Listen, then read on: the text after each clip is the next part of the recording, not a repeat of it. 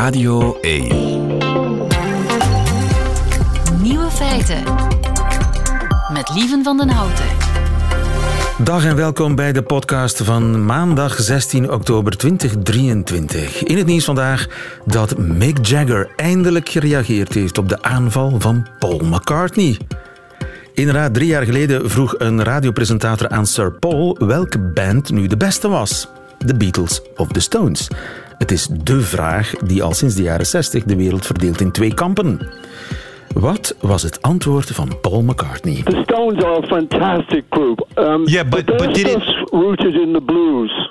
Um, Yes. And so that when they're kind of writing stuff, it's it's to do with the blues, you know.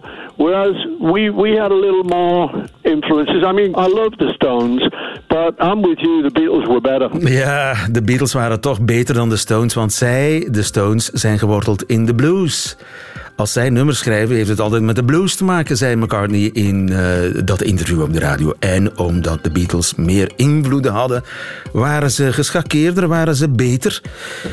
Nu, na drie jaar, heeft. Ze worden een dagje ouder. Na drie jaar heeft Mick Jagger van de Stones eindelijk gereageerd op die aanval.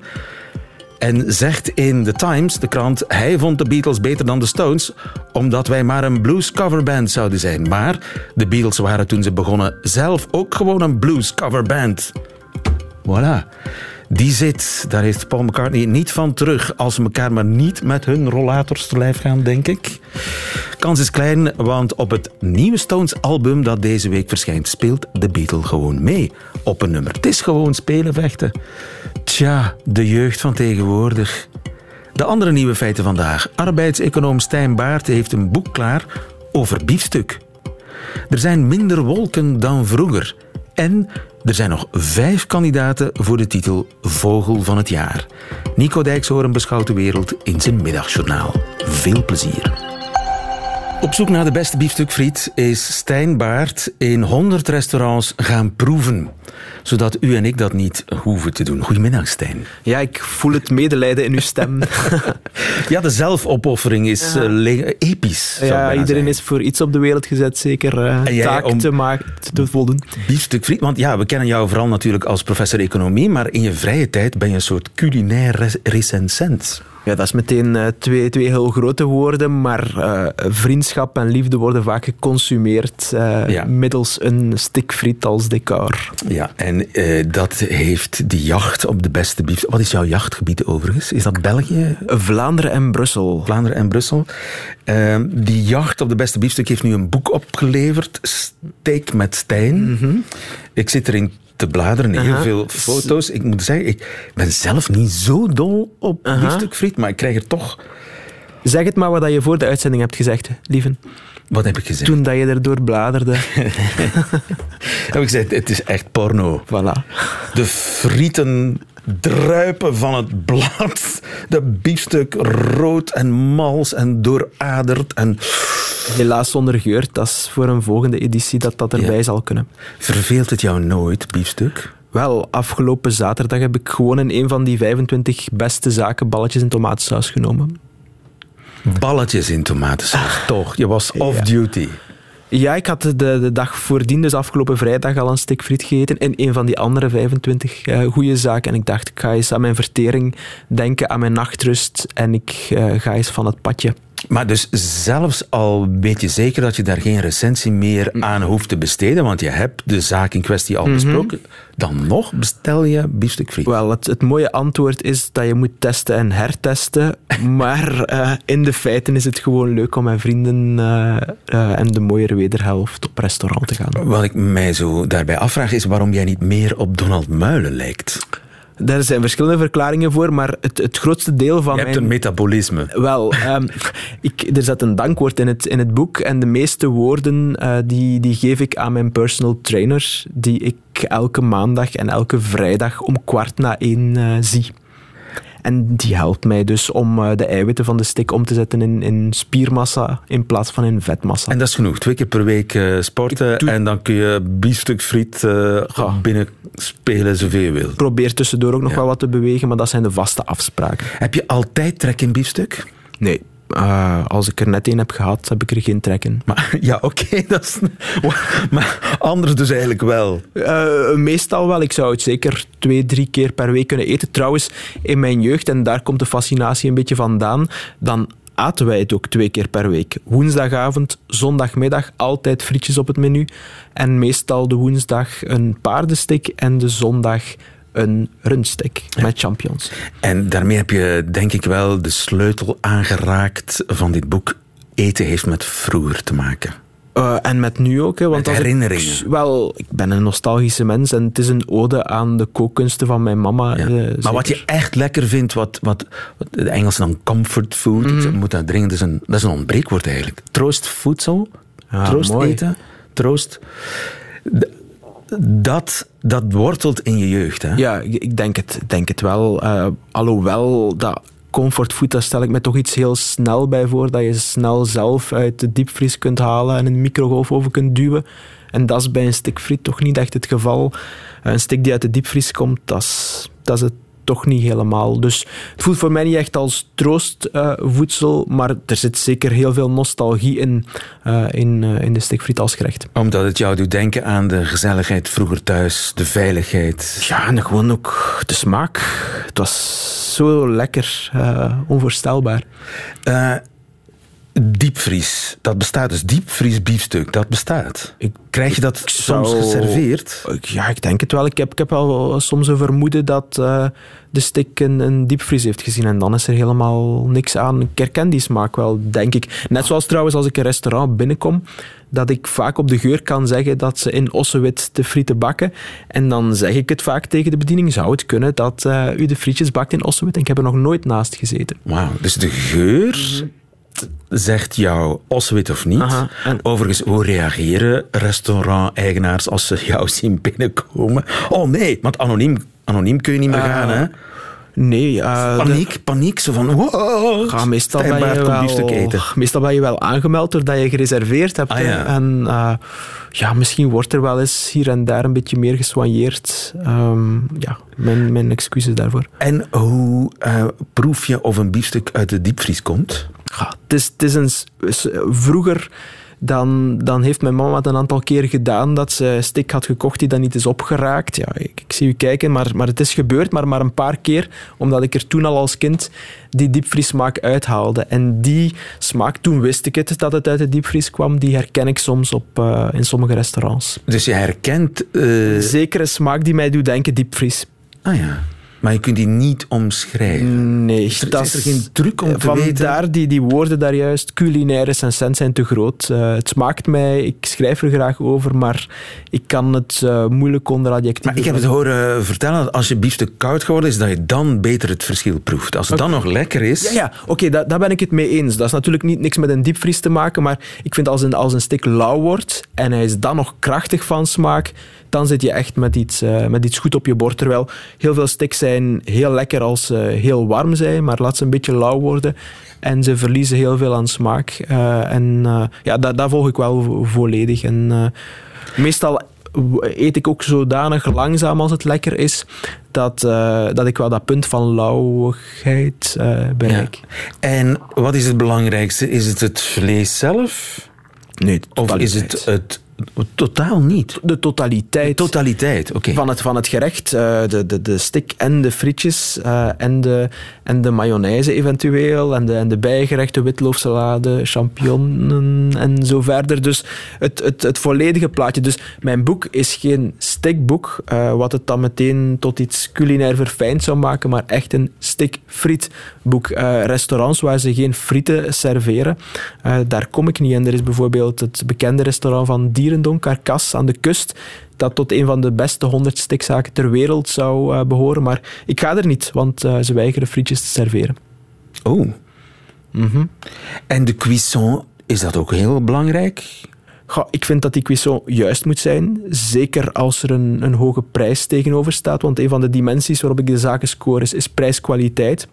Als, als die prijs iets lager is, dan, dan durf ik daar iets milder te zijn. Maar ik ga niet zeggen uh, wat jij moet nemen als, als bakwijze.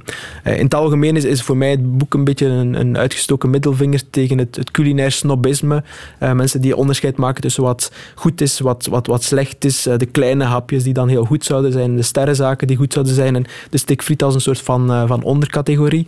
En als ik dat doe, daar een beetje de draak mee steken, dan moet ik zelf niet zeggen tegen mensen hoe, hoe zij hun, hun bakwijze moeten hebben. Als iemand hem goed uitgebakken wil hebben en die heeft er heel veel smaak aan, dan is het voor mij prima. Ja, want ja, heel veel mensen gebruiken eten ook als een soort manier om zich te profileren. Mhm. om te zeggen, ja, maar ik ben heel bijzonder mhm. en ik, uh, ik weet exact. wat... Of ik heb heel veel centen en dus ik kan... Uh... Een soort eetsnobisme. Ja, en, en ja, dat vind ik iets... Ik denk dat het voor mij daar ook begonnen is. Dus ik heb in de tijd drie jaar geleden corona een Instagram-account aangemaakt. Dan moet je iets in je bio zetten dat iets over je vertelt. Bij mij was dat biefstuk, friet, rum, cola zero met een, met een hartje voor. En dan begon ik fotootjes te maken van ja, die, die, die copieuze, brutale borden als een soort van persiflage op wat dat jij eigenlijk uh, aangeeft. Die heel kleine, dure bordjes, twintig vergeten groenten die dan met de handen zijn neergelegd en ondertussen koud zijn. De bepotelde keuken, zoals dat Herwig van Hoven ze noemt. De bepotelde keuken. Ja, mooi hè? maar ja, dat zijn mensen die eigenlijk met hun imago bezig zijn en stiekem thuis zelf broodpudding zitten te buffelen. Lekker ook. Uh, maar goed, Heerlijk.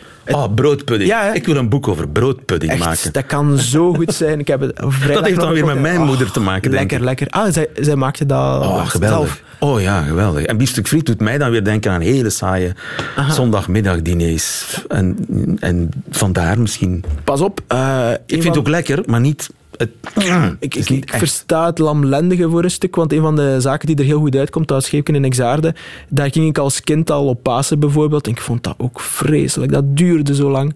En nu denk ik, dat is meer ruimte voor een extra aperitief. Ja, eh, wat zijn de afknappers voor jou? Afknapper is voor mij heel duidelijk uh, heel duur en toch heel middelmatig. Uh, er zijn zo'n aantal zaken waar ik ben geweest die twee keer tot drie keer zo duur zijn als echt goede zaken, maar die zowel naar, naar smaak, eh, een beetje smaak van, van diepvries daar opnieuw, uh, qua, qua beleving, qua, qua bediening, toch niet echt goed doen. Dat vind ik echt een absolute afknapper. Ja, en de bediening is ook heel belangrijk. De sfeer, de, de, het restaurant mag niet te, niet te snop zijn, nee. als ik het dan zo hoor. Voor, voor mij niet zo. Een, een plasma vu, wat dat je binnenkomt en iedereen eens kijkt. Toile ciré op de tafeltjes kan? Ja, ja, ja, ja, absoluut. Het moet een beetje bij elkaar uh, passen, maar ook iedereen moet het doen op de manier dat, dat hij het doet. Maar ik vind dat het vooral moet kloppen, dat het, dat het één concept is. En inderdaad, de bediening in, in, sommige zaken, als je daar binnenkomt, dan heb je het gevoel of dat het een eer is dat je er mag zijn als klant. En dat, dat vind ik echt niks. Uh, het moet een beetje een schoon samenspel zijn, respect in twee richtingen. En dan is het al goed voor mij. Vlees eten is slecht voor het milieu. Mm Is dat een probleem voor jou? Uh, ja, het, is, het, boek zet zich af tegen culinair snobisme, maar het zet zich niet af tegen het duurzaamheidsdenken of mensen die, ja, die hun bijdrage doen door bijvoorbeeld vegetariër te zijn. Ik kan me daar perfect iets bij, iets bij voorstellen. Voel je schuldig over al die biefstukken? Ik denk dat het, het, het, het schuldgevoel dat dat eerder uitgaat richting mijn eigen gezondheid. Dus uh, ik, wij hebben in de familie wel een aantal hartfalens gekend en daar denk ik soms van, oké, ik moet bij een... Uh, mijn jetons toch op het juiste moment inzetten. Cholesterolgehalte een beetje te, voilà, checken, Ja, ja ik ben daar wel mee bezig. Maar het is het schuldgevoel tegenover het milieu zit er, zit er ook wel uh, een beetje. Ik vind trouwens dat, dat, dat vlees over het algemeen ook wel te, te, goedkoop is. Dus ik ben voor hogere belastingen op, uh, op consumptie en zeker voor vervuilende consumptie.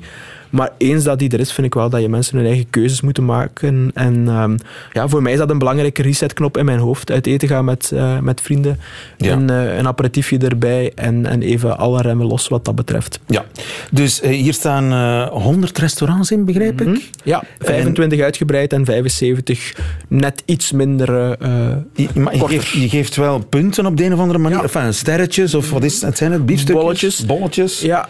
Maar is er een echte winnaar? Wel, uh, goed, ik heb iets mee om te proclameren. Uh, oh, wow. Ja, een top 3. Uh, maar, maar het is inderdaad gescoord via, volgens die mensen, de smaak van de frietjes, smaak van de stick, de, de, de sfeer en de, de prijskwaliteit. en trouwens, naast die recensies staan er ook 25 keukengeheimen in. Dus de beste chefs, die delen ook hoe dat je dunne frietjes maakt, dikke frietjes maakt, mayonaise maakt, allerlei sausen, witloofsalade, gebakken champignons ja, een volledige... Ik scheur intussen open van de honger, maar scheur jij maar je enveloppen open, want daar, daarin staat de geheime top drie. Ja, finale. Op drie. op drie. Ciro's in Antwerpen. Uh, burger. Classic. Ja, zo lekker. En prijskwaliteit ook perfect. Echt Antwerps, maar op een goede manier. Op twee. Ja. Ik vind het moeilijk om als prof in Leuven... En in Gent te zeggen, maar het is dus in, in Leuven plaats twee. Uh, Bistro Tribunaal. Ja, het is, het is met een beetje voorzichtigheid gezegd, maar uh, qua vlees echt top. Ook, Omdat het bij de vijand is in Leuven? Is een beetje bij de vijand, uh, maar, maar we komen met een trolletje langs waar al de verschillende stukjes vlees opleggen. Die worden zo schoon beschreven en die smaken dan exact zoals ze beschreven uh, hebben. Bistro Tribunaal. Oké, en dan hebben we een winnaar. dat is uh, Touwscheepken in Xaarde. ja, alweer. dat is niet de vijand. Dat is, je eigen thuisgebied, ja, ik ben van het Maasland. Hè, maar ja, uh, ja goed, uh, als er niks beter kan, dan is dat de beste. Hè? Uh, gefeliciteerd. de beste, de lunchtijd komt eraan. Wat ga je eten, Stijn? ik denk dat ik voor een eiwitshake ga gaan, lieven. Een eiwit? Dat heb ik in mijn rugzak zitten. straf. Radio 1. Nieuwe feiten.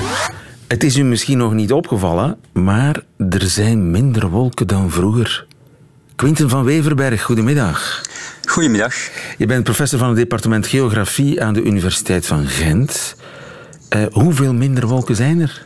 Wel, um, ik heb het even nagekeken um, en voor, uh, voor België, specifiek voor Ukkel, is er inderdaad ongeveer 15% meer uh, zonneschijn nu dan in de jaren 80.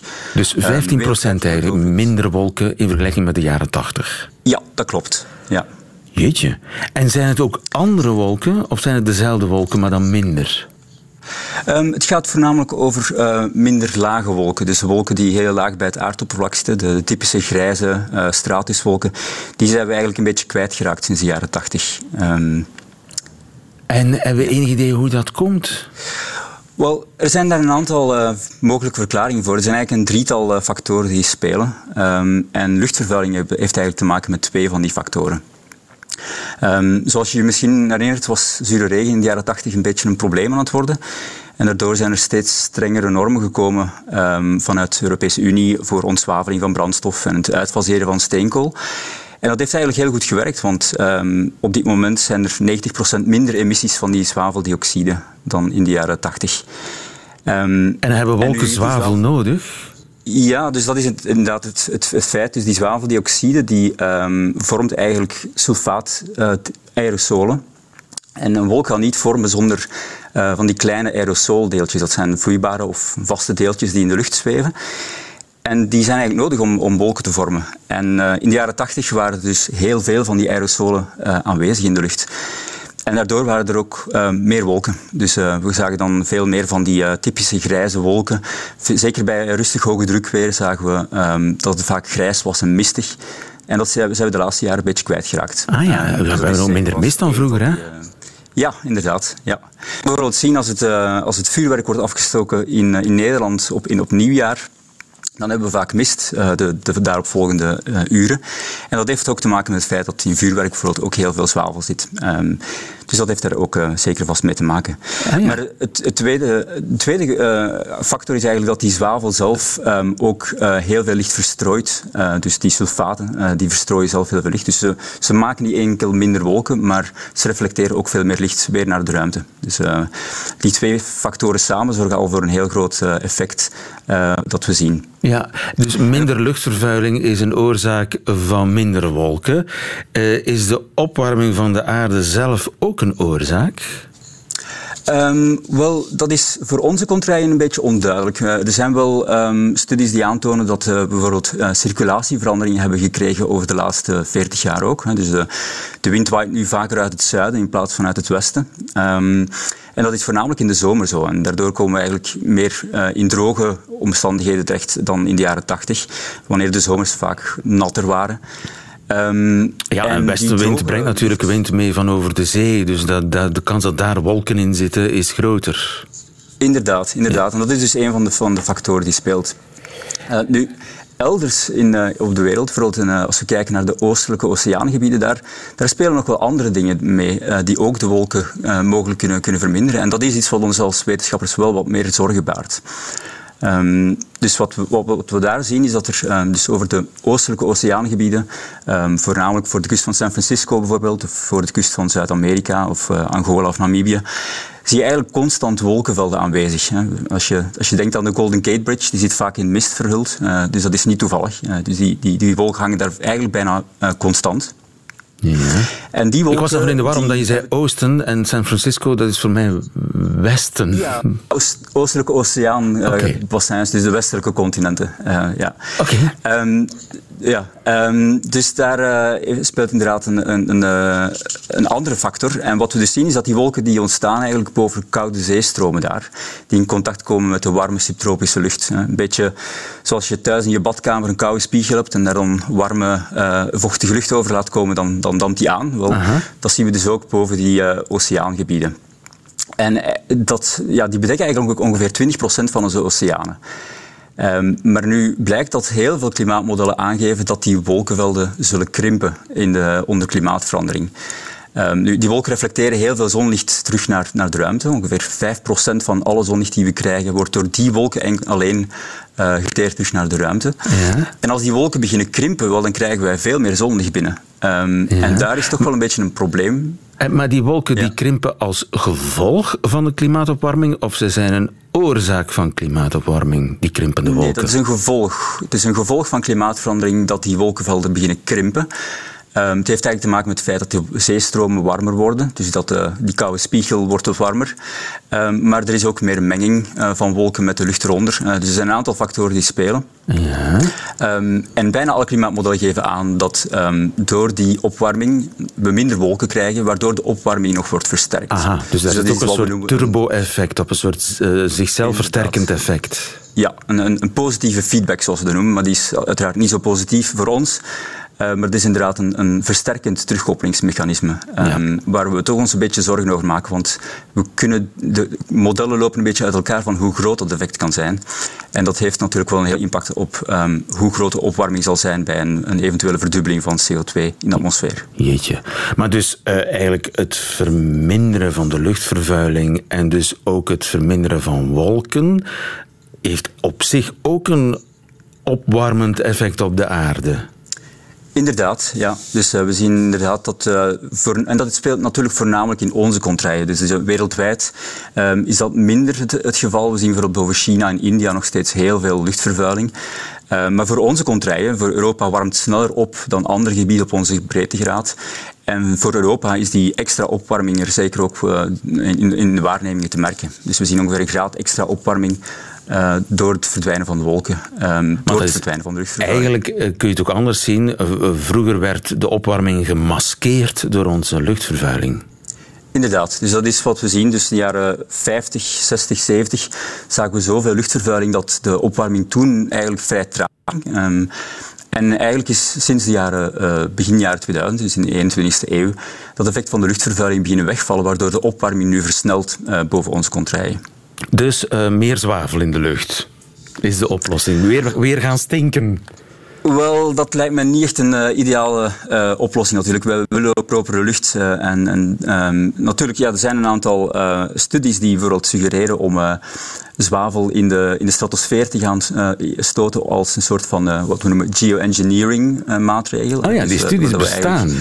Ik maak dan eigenlijk ja, ja, een grap, eigenlijk maar eigenlijk zijn er mensen die dat willen dat wordt zo begroot om te kijken of dat eventueel een soort van noodrem zou kunnen zijn op, op klimaatverandering. En een andere uh, manier zou bijvoorbeeld zijn door uh, zoutkristallen te gaan vernevelen boven de oceanen, waardoor er meer wolken worden gevormd boven de oceanen.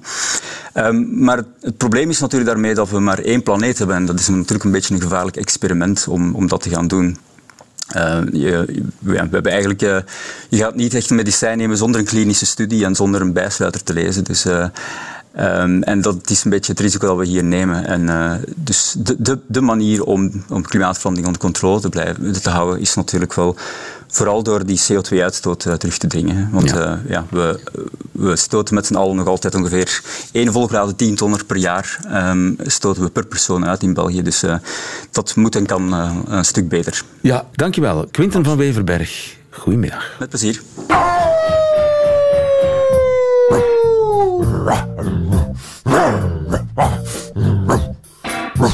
Radio 1. Nieuwe feiten. We gaan het over vogels hebben, zoveel is duidelijk. Met Jochem Vrielink. Goedemiddag, Jochem. Goedemiddag. Jochem Vrielink, professor discriminatierecht uh, en rechtsantropologie aan de Universiteit Saint-Louis in Brussel, maar daarbuiten vol, voltijds vogelinfluencer met meer dan 12.000 volgers op Instagram. En het is in die hoedanigheid dat ik je vanmiddag bel, Jochem. Want, je weet het misschien nog niet, maar je doet mee aan onze jaarlijkse vogelquiz. Ben je daar blij mee, Jochem? Ah, kijk, ik ben, ik ben er heel blij mee. Want de vogelverkiezing Vogel van het jaar 2024 komt eraan.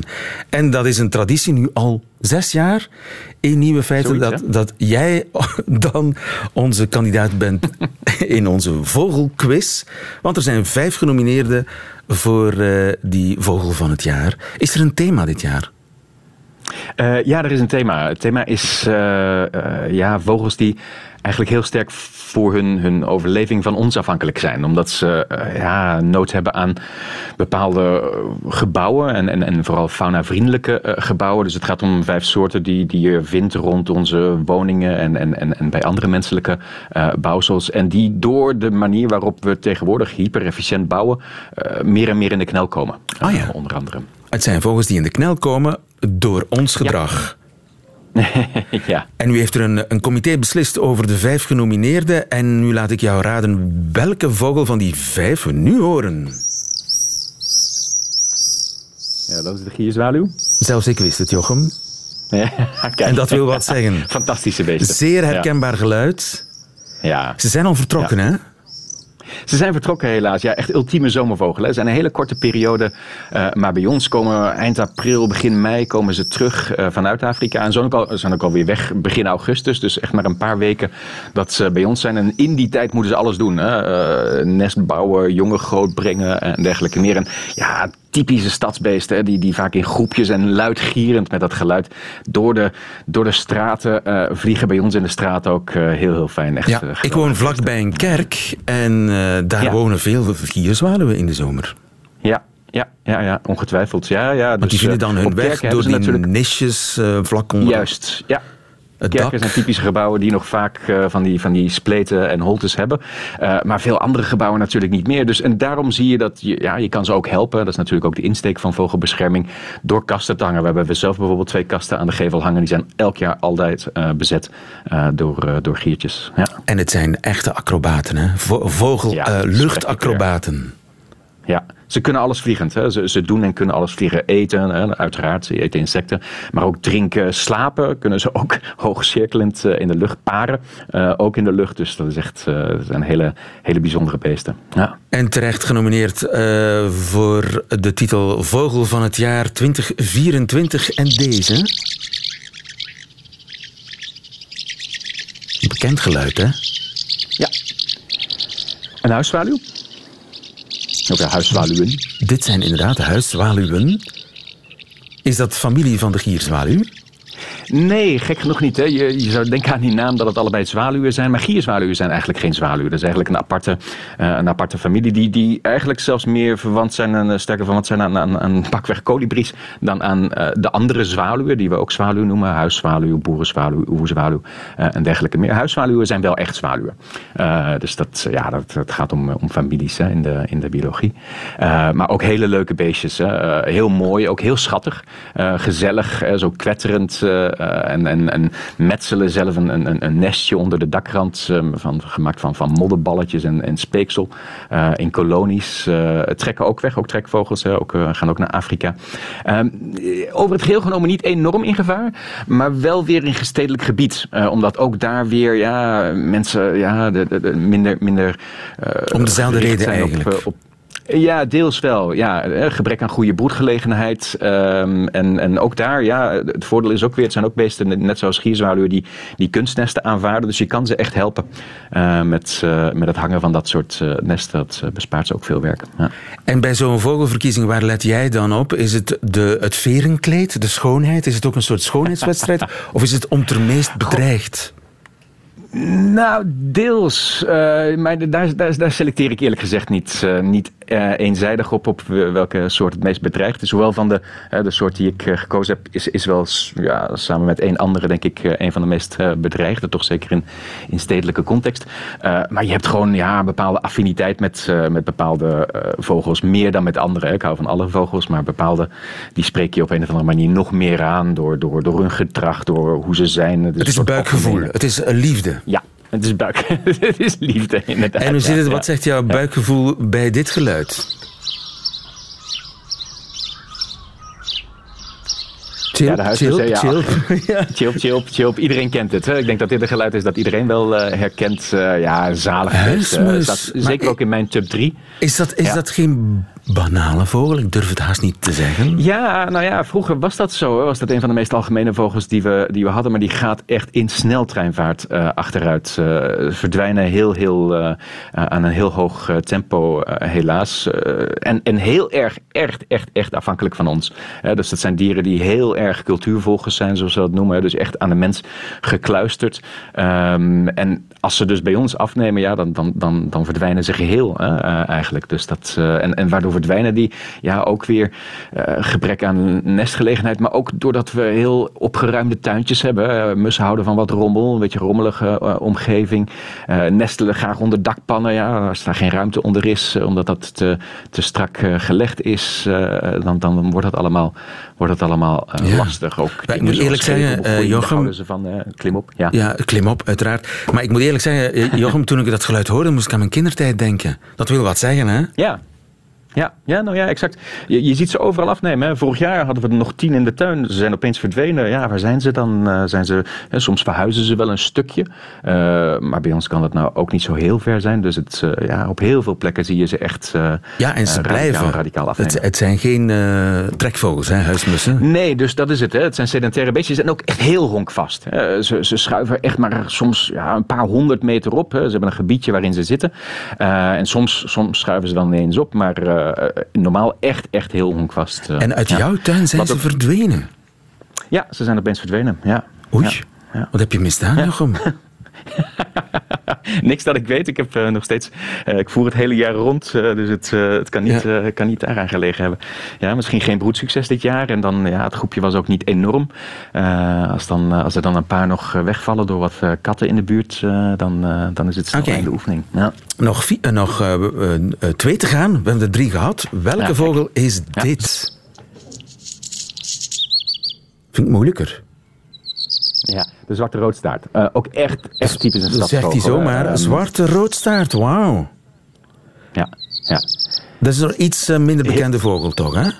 Het is een minder bekende vogel, ja, absoluut. Eh, misschien ook minder opvallend, omdat hij echt eh, vaak wel op daken blijft in de steden. Eh, dus die, die, die zoekt zijn kostje daar, die jaagt daar op ex- insecten, spinnetjes die, die op onze daken zitten. Maar wel echt hele mooie vogeltjes. Dus zeker de mannetjes met een zwarte buik en een zwarte, zwarte kop en verder grijs en een witte vlek op de vleugels. En vooral die, de, de, de staart, de naam zegt het al, die, die knalrood is, heel spectaculair.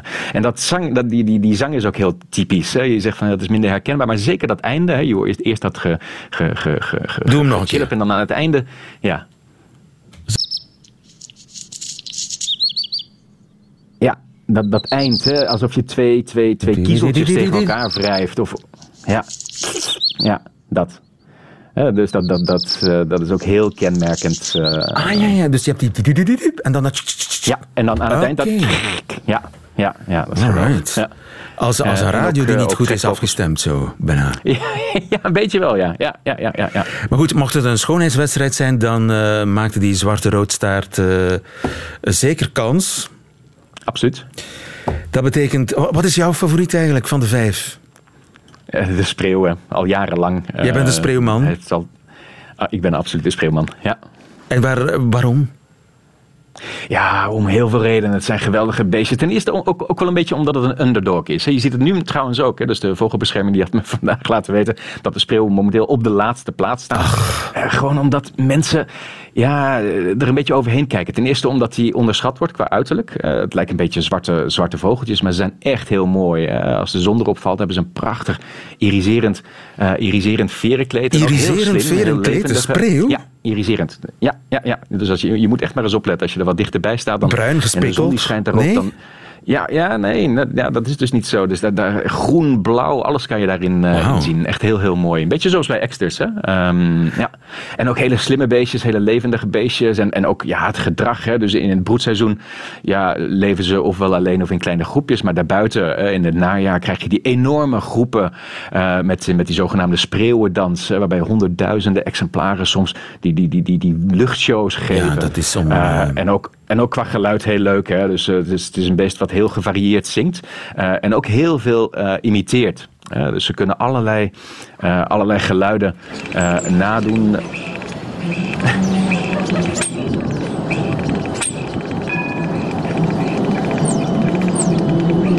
Het was niet helemaal duidelijk, maar we gaan hem straks nog eens laten horen. Want kun je even uitleggen wat die spreeuw hier doet? Ja.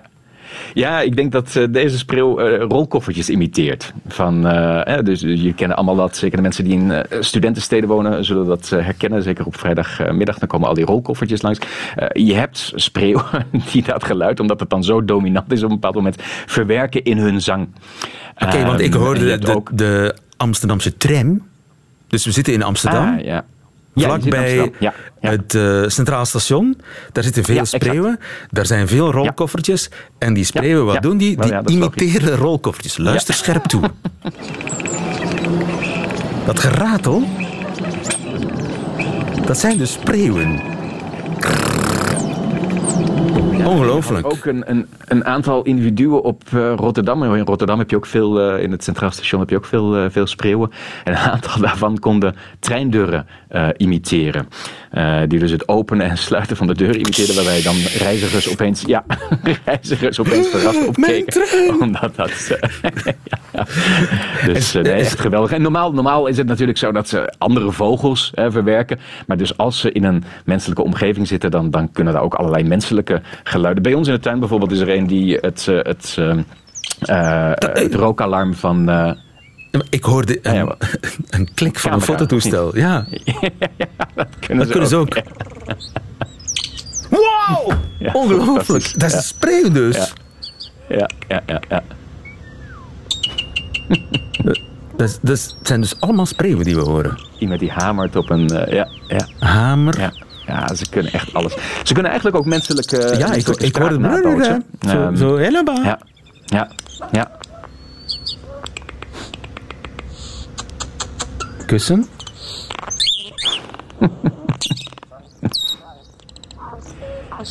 ja. Ja, ik hoorde zelfs bijna, Ja, het denk- leek op een, een menselijke Ja. stem bijna.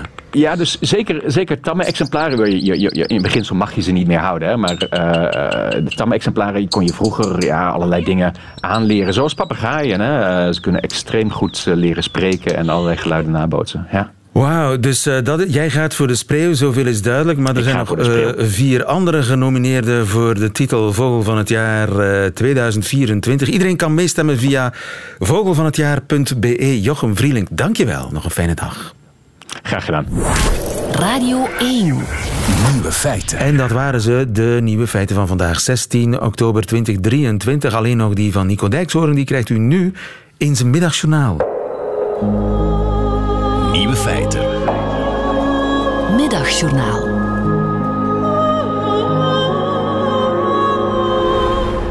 Beste luisteraars, gisteren keek ik midden in twee voortwoekerende oorlogen naar de televisieserie Expeditie Robinson. En ik zag een stuk of zestien bekende Nederlanders die ik geen van allen kende, lijkwit van ellende een pannenkoekje van gebakken meel eten. En steeds maar weer herhaalden zij hoe ze door het programma het eenvoudige leven weer hadden leren waarderen. En ik had ze dat ook gewoon thuis kunnen vertellen badpakkenmodel zijn en met je kinnetje vooruit bij jonge meisjes steeds maar weer erin pompen. Dat het helemaal oké is wanneer je je kop vol met botox spuit. Daar zou je geen drie weken op een onbewoond eiland voor nodig moeten hebben. In de uitzending die ik gisteren zag, werd een van de deelnemers van het eiland gedragen. Zijn lichaam kon het niet meer aan. Ja, zo hard kon het leven zijn. Het ene moment was je nog gewoon een bekende influencer met een fles gesponsorde energiedrank in je handen. En na twee weken eiland, met een cameraploeg om je heen, kon je zomaar veranderen in iets met honger. U raadt het al, luisteraars. Na Expeditie Robinson schakelde ik naar CNN en BBC World. En ik zag een verhaal over 2 miljoen mensen die al een leven lang op een bewaakt eiland wonen. Geregeerd door de Israëlische onderbuik en Hamas-terroristen. Ze droomden niet van een pannenkoekje, een immuniteitsmunt of het winnen van een proef. Nee, ze hoopten dat hun huis er de volgende ochtend gewoon nog stond. Enkele kilometers verderop lag midden in de woestijn een linkerschoen van een ooit dansende dochter in de woestijn. En zo gaat dat nu al de hele dag door, luisteraars. Ik verzet mij heel lafjes tegen de drang om weer in te voegen in het dagelijks leven, maar het lukt mij niet. Ik reed eergisteren door Amsterdam, waar gisteren een grote demonstratie plaatsvond. En ik dacht niet aan de wanhopigen bij de grensovergang. Ik reed daar door Amsterdam en ik dacht: als je nou morgen hier je auto moet parkeren, hoe doe je dat? En zo vergaat het mij ook in dit stukje. Ik moet nog een week middagjournaals doen, luisteraars. En ik voel een zekere schaamte om het nu al lekker vertrouwd te hebben over wat ik nu weer allemaal heb gekocht. En wat ik nu weer allemaal in Leiden heb meegemaakt. Ik durf eigenlijk nauwelijks te leven. Die worsteling, die ga ik met u delen deze week. Ik sluit niet uit dat het woensdag alweer gaat over een nieuwe aftershave die ik heb gekocht. Maar ik kan niets garanderen.